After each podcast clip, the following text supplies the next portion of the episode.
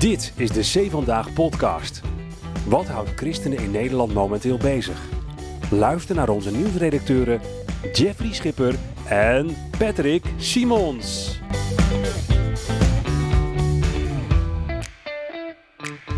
De zondagschoolpolitie. Een klimaatmars op zondag. En Netanyahu die verwijst naar bijbelse profetieën. Het is weer tijd voor een nieuwspodcast van C Vandaag. In nieuwsrijke tijden, Want het nieuws dat gaat maar door en gaat maar door. Het staat nooit stil. Wat doe je dit hey, Het dat is een mooi er- woord. Het komt er prachtig uit. Oké, dat hoor ik graag. Heb je geoefend? Nee, het klinkt juist niet geoefend. Oké, ja, dat moet ik je, vaker bent, doen. je bent nog fris zeker? Ik kom zeker pas net aan op kantoor. Ja, hoe laat was het? Het was net 12 uur dat ik toen ik aankwam. Ja. Ja. Dus Wil je mijn ik- ochtendritme eh, eh, horen hoe ik dat Nee tegenwoordig hoor, doe? nee, hoef Oké. ik niet te weten. Het is geen koffietijd ook dit, hè? Nee. Het is een serieuze nieuwspodcast en dus gaan we meteen naar de ergernis van de week.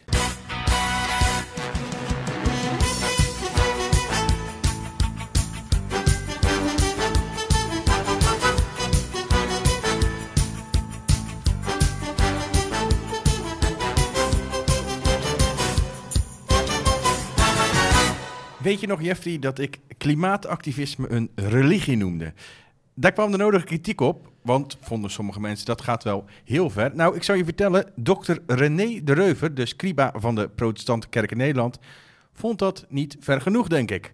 Want vanuit zijn ambt als scriba van die kerk, van de PKN, overigens de grootste protestantse kerk in Nederland, Nog steeds. nog steeds.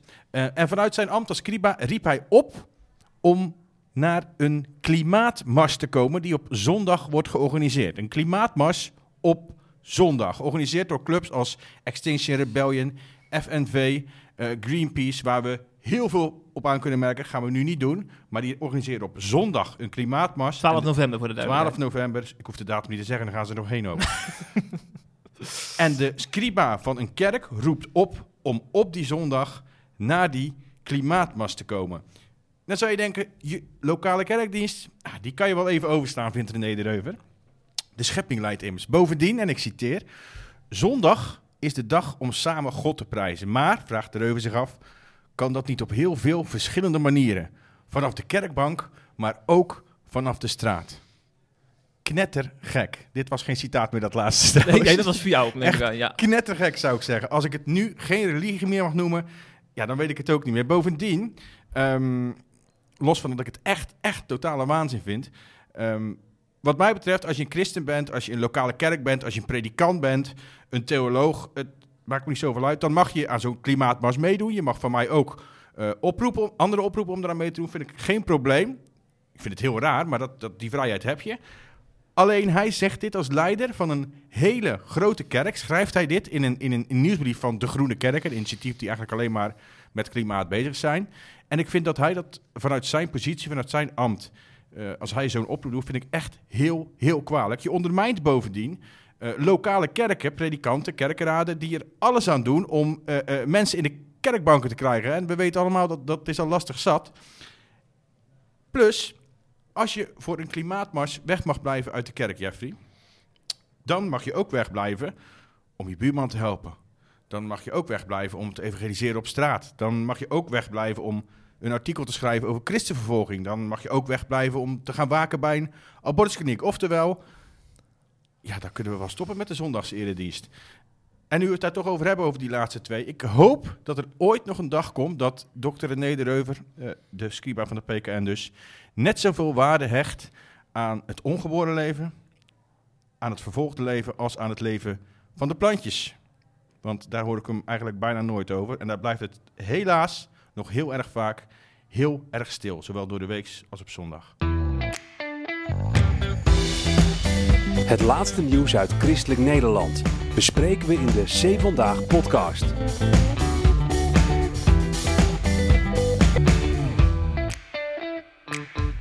Ja, de afgelopen weken stond onze podcast in het teken volledig in het teken van Israël. Nu gedeeltelijk, want we hebben ook ander nieuws. Maar we beginnen toch even weer met Israël.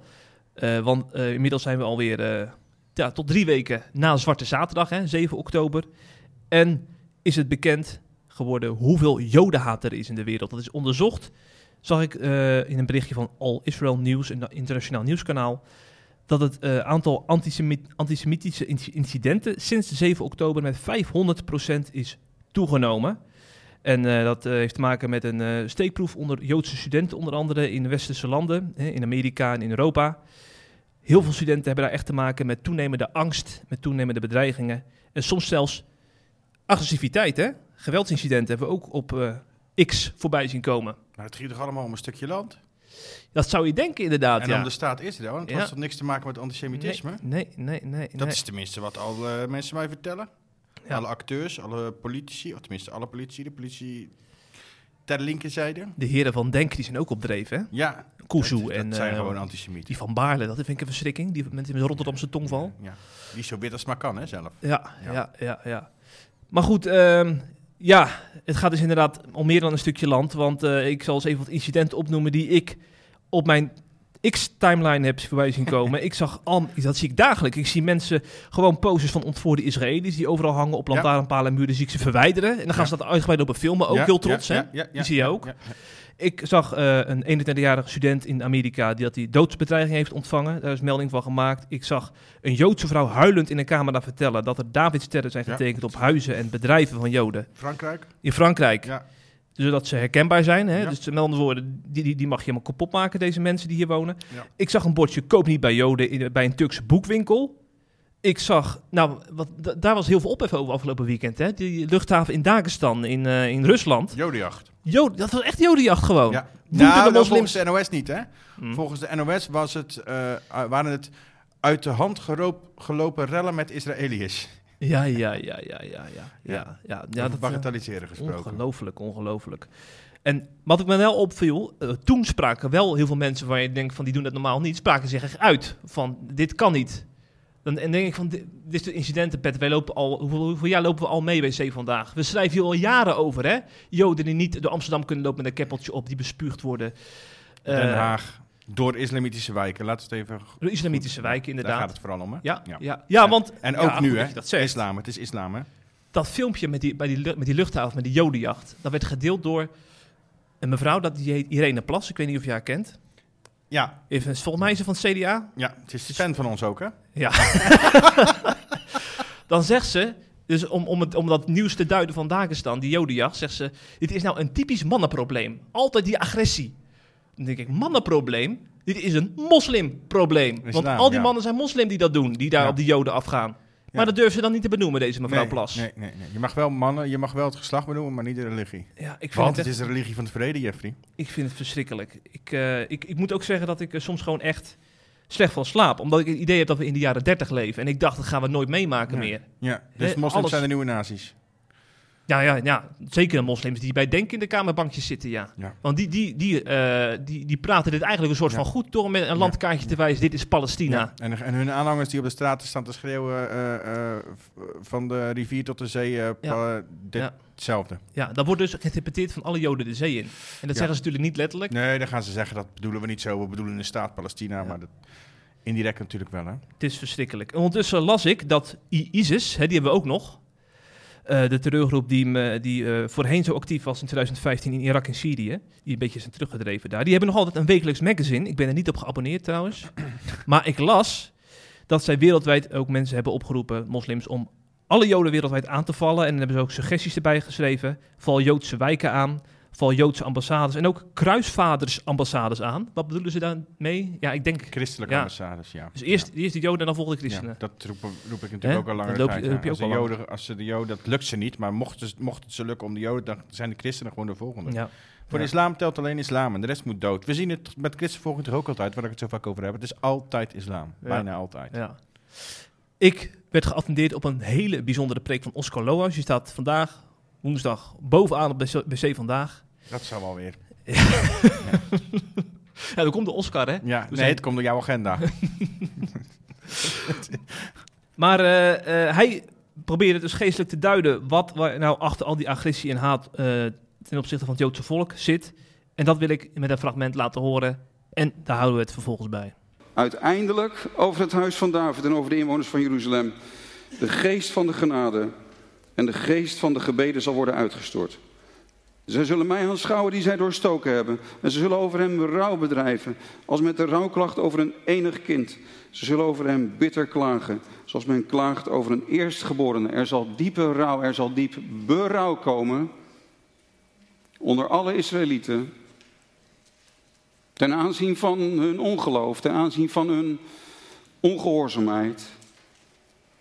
De geest van de genade zal worden uitgestort over de inwoners van Jeruzalem. In het einde der tijden, heel het volk van Israël massaal tot erkentenis zal komen van de waarheid aangaande de Messias. Er is een verharding over Israël gekomen, maar die verharding is gedeeltelijk en die verharding is ook tijdelijk. Die verharding over Israël is totdat, totdat de volheid van de heidenen is binnengegaan, als het werk van wereldevangelisatie en zending is volbracht. Als alle die tot het eeuwige leven bestemd zijn, door God zijn geroepen tot zijn zoon Jezus Christus, dan zal die verharding over Israël weggenomen worden, zegt Paulus in Romeinen 11. En de verlosser zal uit Sion komen en zal de goddeloosheden afwenden van Jacob. En dan staat er in Jeremia 1 dat zij alle zullen mij kennen, van de kleinste tot de grootste. Zij alle zullen mij kennen. Die tijd gaat komen. En Paulus zegt, als hun verwerping van Jezus al zoveel zegen voor de wereld heeft gebracht, hoeveel te meer zal hun aanneming van Jezus zegen voor de wereld gaan brengen. Dat zal zijn opstanding uit de dood. Dat zal zijn leven uit de doden als Israël tot geloof en bekering in de zaligmaker, in de zoon van David, in hun eigen Messias zal gaan komen. Daarom,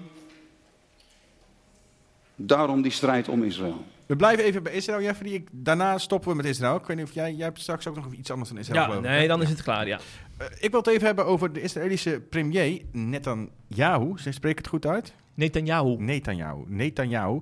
Ehm, die, heeft, eh, die maakte afgelopen weekend bekend dat... de- Afgelopen weekend is het grondoffensief gestart. Hè? Dus Israël Ja. eh, via de grond Gaza binnengevallen. En hij maakt in een... dat, dat bevestigde hij in een persconferentie diezelfde dag of, of zondag, dat weet ik even niet meer uit mijn hoofd.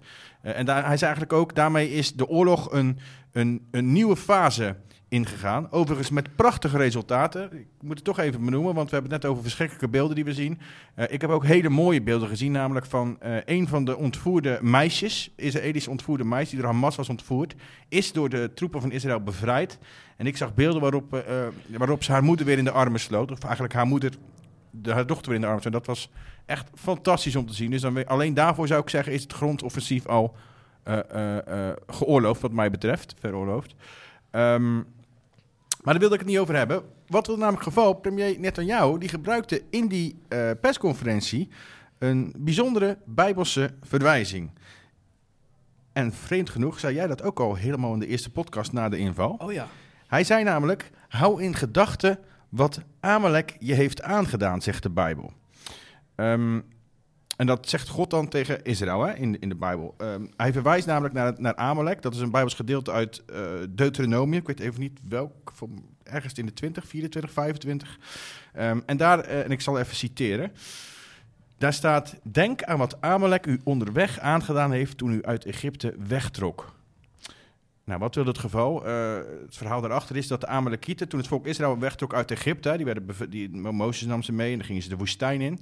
Ehm, toen werden ze op een gegeven moment werden ze in de rug aangevallen. De Amalekieten vielen de reis aan, vielen ze aan, zeg maar, toen, toen Israël op zijn zwakst was. Ze waren moe, ze hadden weinig eten, weinig drinken. En ook nog eens van achter. En wat wilde toen, eh, hoe zat dat toen? De, de, zwakste liepen altijd van achter. Dus vooraan liepen de strijders, de mannen, de sterke mannen.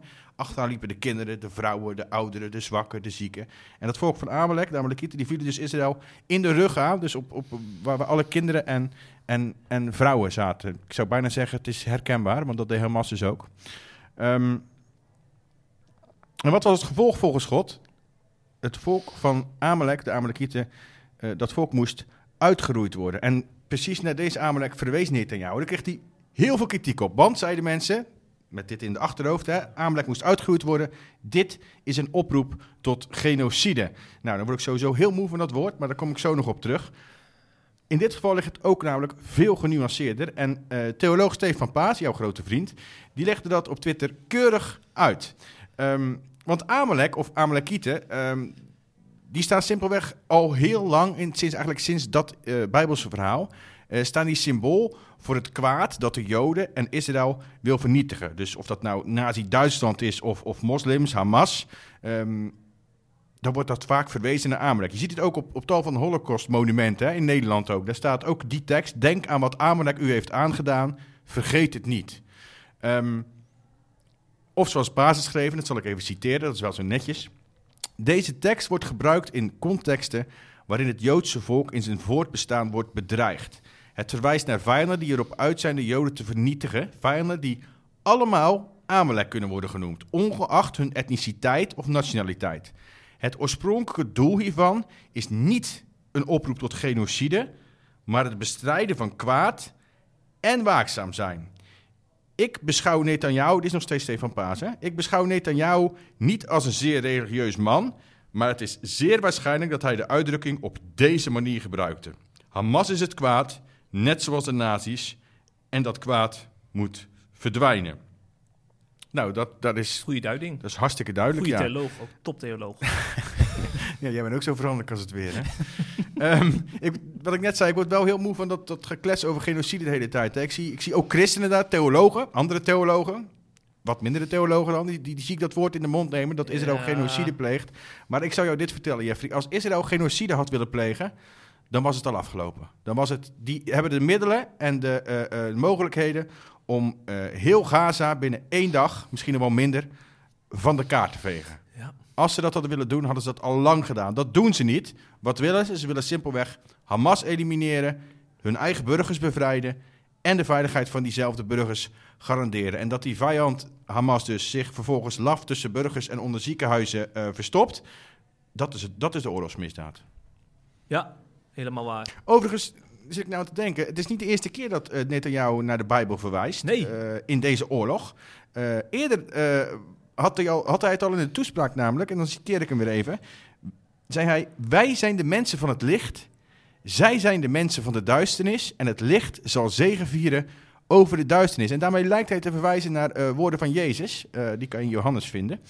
Ehm, en in diezelfde toespraak verwees hij eigenlijk nog duidelijker naar een eh, profetie uit Jezaja. Dat, dat zei hij zelfs letterlijk. Hij zei, hij riep op tot eenheid onder het, Joodse volk, onder het Joodse volk en zei, wij als Israël gaan samen de profetie van Jezaja verwezenlijken. Nou, over welke profetie had hij het?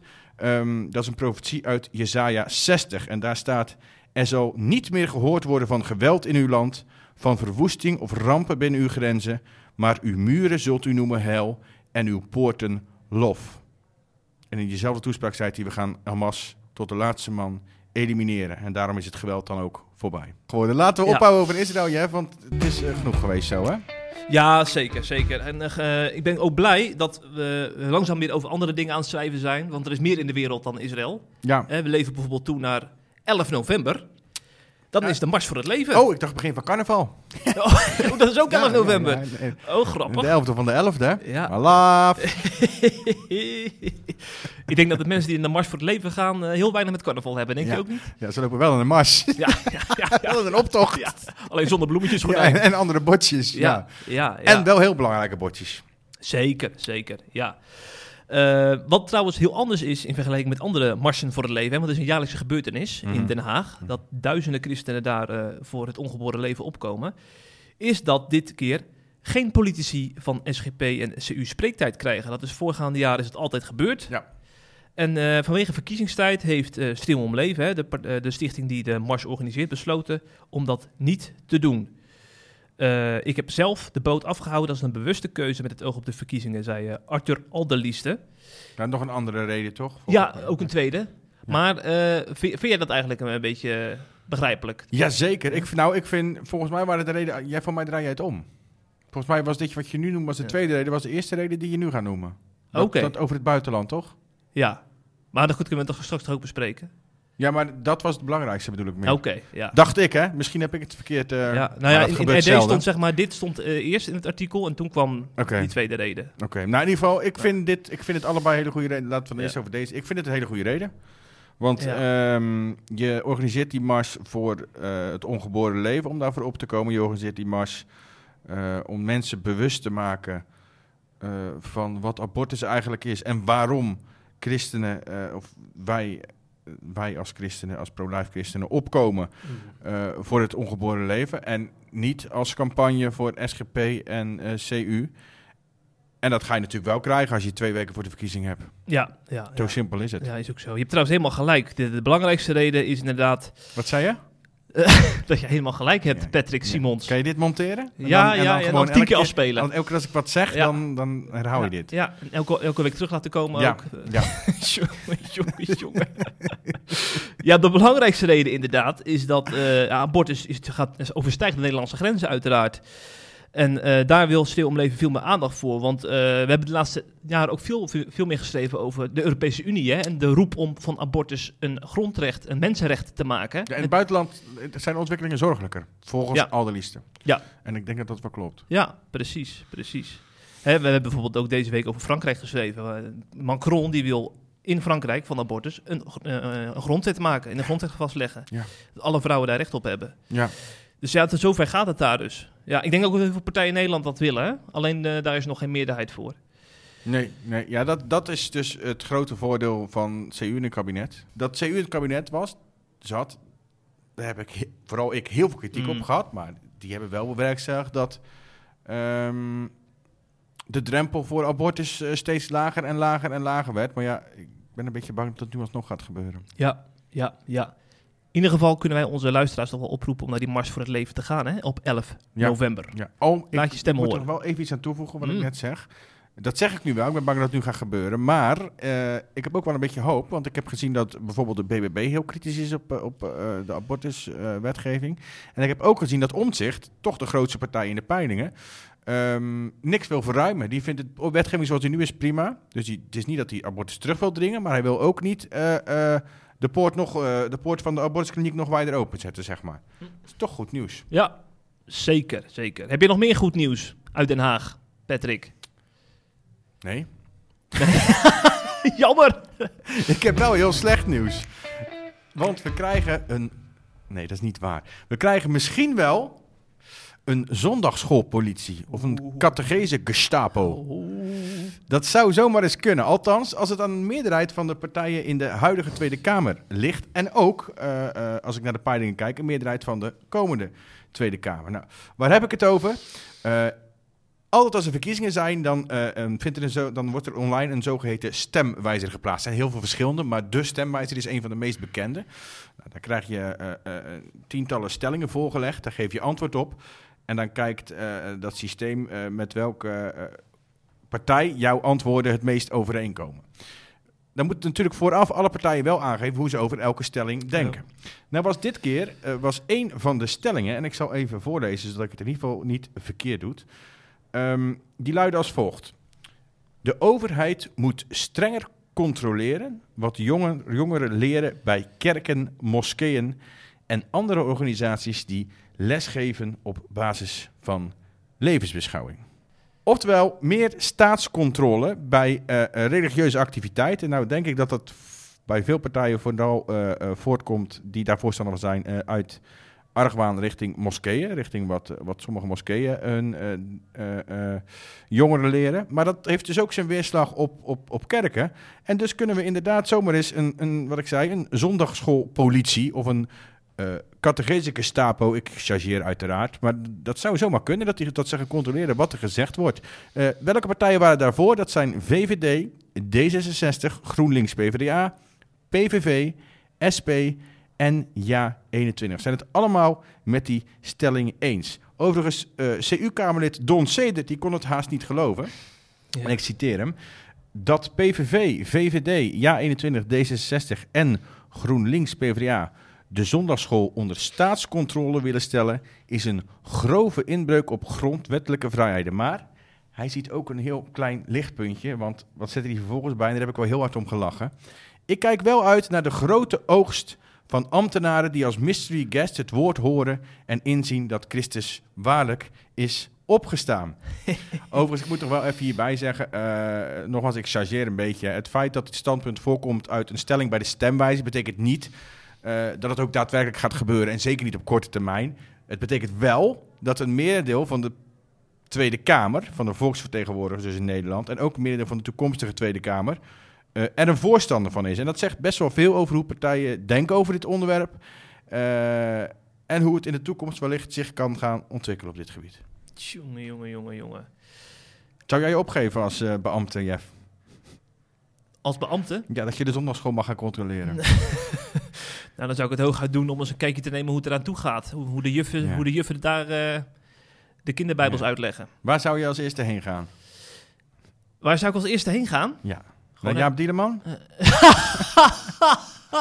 ja, Dieleman is een zondagschool. Ja. Dat zou werd, fascinerend zijn. ik werd laatst nog uitgenodigd voor een bijeenkomst. eh. ik, ik, ik, was, ik liep eh, heerlijk op tolen, mijn eigen tolen, rustig over straat. Ja. En er kwam ineens iemand op me af. Ik heb een profetische boodschap van God voor u. Oh. Ik denk, oh, dan gaan we het krijgen. Oh. Dus ik maakte er eerst nog een beetje een grapje van. En toen, eh, toen zei hij, ja, we komen bi- binnenkort, eh, hebben we een bijeenkomst van de Wakkere Kerk. En dan komt Jaap Dieleman spreken. Dan moet je zeker eh, komen. Ja.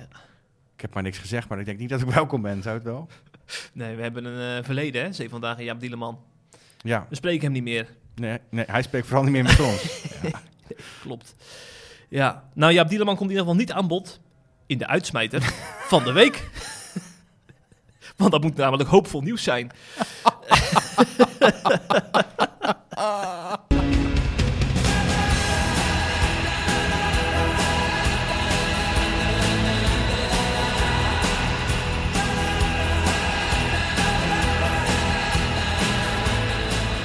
Ik, ik dacht, eh, als we het dan toch regelmatig over Israël en het Joodse volk hebben, zou er op dat gebied ook hoopvol nieuws te vinden zijn. Want er is zoveel ellende. En ja, ik heb wat gevonden en dat vond ik in de nieuwsbrief van Dirk van Genderen. Die wil ik toch eens aanraden. Dirk van Genderen is een bijbelleraar en hij heeft een digitale nieuwsbrief. Waarom lach jij nou? Waarom ik lach? Ja, Ja, ik zag, ik zag allemaal gebaren in mijn jij ogen. begint ineens te lachen, jij. Ja. Je zit iets heel serieus verhaal. Maar een absolute aanrader, die nieuwsbrief. De nieuwsbrief van Dirk van Genderen is een absolute aanrader. Ja. Die komt elke zaterdag uit. En daarin, neemt hij wat nieuwtjes mee en een eh, wekelijkse blog. En in die nieuwtjes werd ik geattendeerd op eh, Joodse en christelijke organisaties die de hand ineen hebben geslagen vanwege de Zwarte Zaterdag op 7 oktober. Om hulp te bieden eh, aan Joden in grensgebieden bij Gaza. En dan wordt er dus ge- geschreven over evacuaties. En dat Joden en christenen daarin samen optrekken. En wat ik dan zo, dan moest ik denken aan al die artikelen die wij hebben geschreven hè, over dat Joden eh, zo argwanend naar christenen kijken vanwege ons antisemitische verleden. En daarom er ook eh, eh, heel weinig zending kan worden bedreven, omdat dan niet overkomt hè, bij, bij Je Joden. moet ook helemaal geen zending bedrijven. Precies, dat is dan de boodschap Andere discussie. die eraan vastzit. Ja. En dan vind ik het zo mooi als dan gewoon praktische hulp wordt verleend aan zo'n verschrikkelijke tragische gebeurtenis.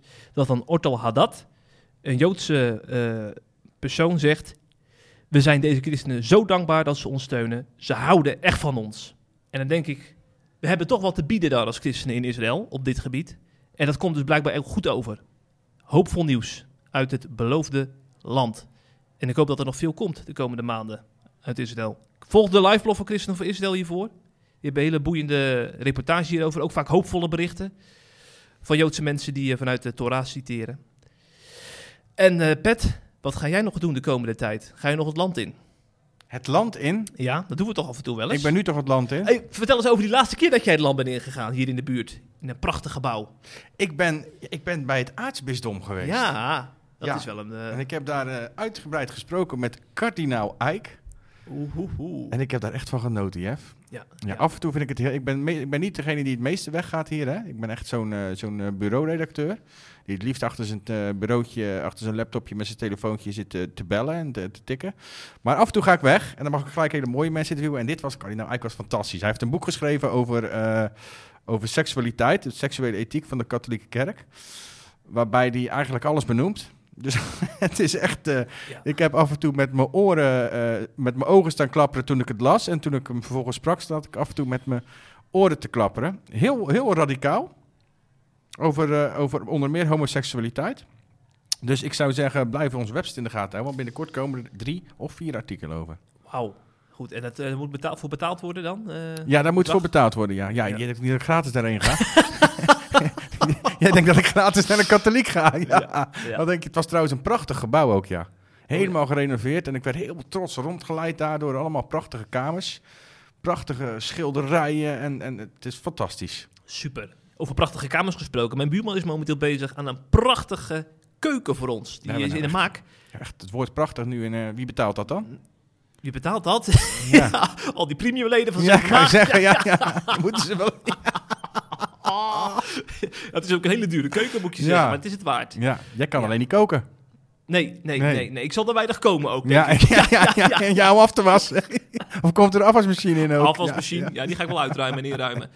Ja, Nou, eh, ik hoor het wel als die klaar is, want je vrouw kan namelijk wel fantastisch ja, koken. Eind november ga je proeven, hè? En ze luistert ook altijd hier, dus eh Ja, Neline, zeker. eind november wil ik lekker eten. Ja, goed. Dat wordt geregeld, jongen. Mooi. Ja.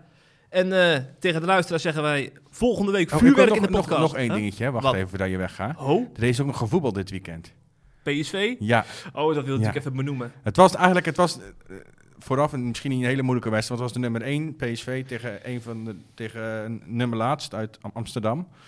En dat hebben we glansrijk gewonnen en ik heb een prachtige zondag gehad. Kijk, dat hoor ik graag. Ja, niet alleen daarom hoor, maar ook naar de kerk geweest. ja, ja, ja, zo. Kan zeggen. Anders eh, op de vingers getikt, hè? ja. Hey, volgende week in de podcast Jos Strengelt, priester, en Kees van Velsen, voorganger. De ander, kritisch op Israël. Dan en mag je wel een, bom, bom, een Ja. kogelvrij vest meenemen. ja, ja, ja, ja. Ik, hoorde, ik hoorde dat Kees van Velzen kan kickboksen. Ja, ja, ja, dat komt van pas, zei hij. Ja, ja. maar ja. Jos Strangel moet je ook niet onderschatten hoor. Nee, nee, nee, nee. Zo, dus dat wordt vuurwerk. Nou, succes, Volgende week- sterkte. En eh, je gaat het horen in de podcast. Ja, Tot dan. dag. Hopelijk heb je genoten van deze C Vandaag podcast. Volgende week is er weer een nieuwe aflevering. En blijf via cvandaag.nl op de hoogte van het laatste nieuws uit Christelijk Nederland.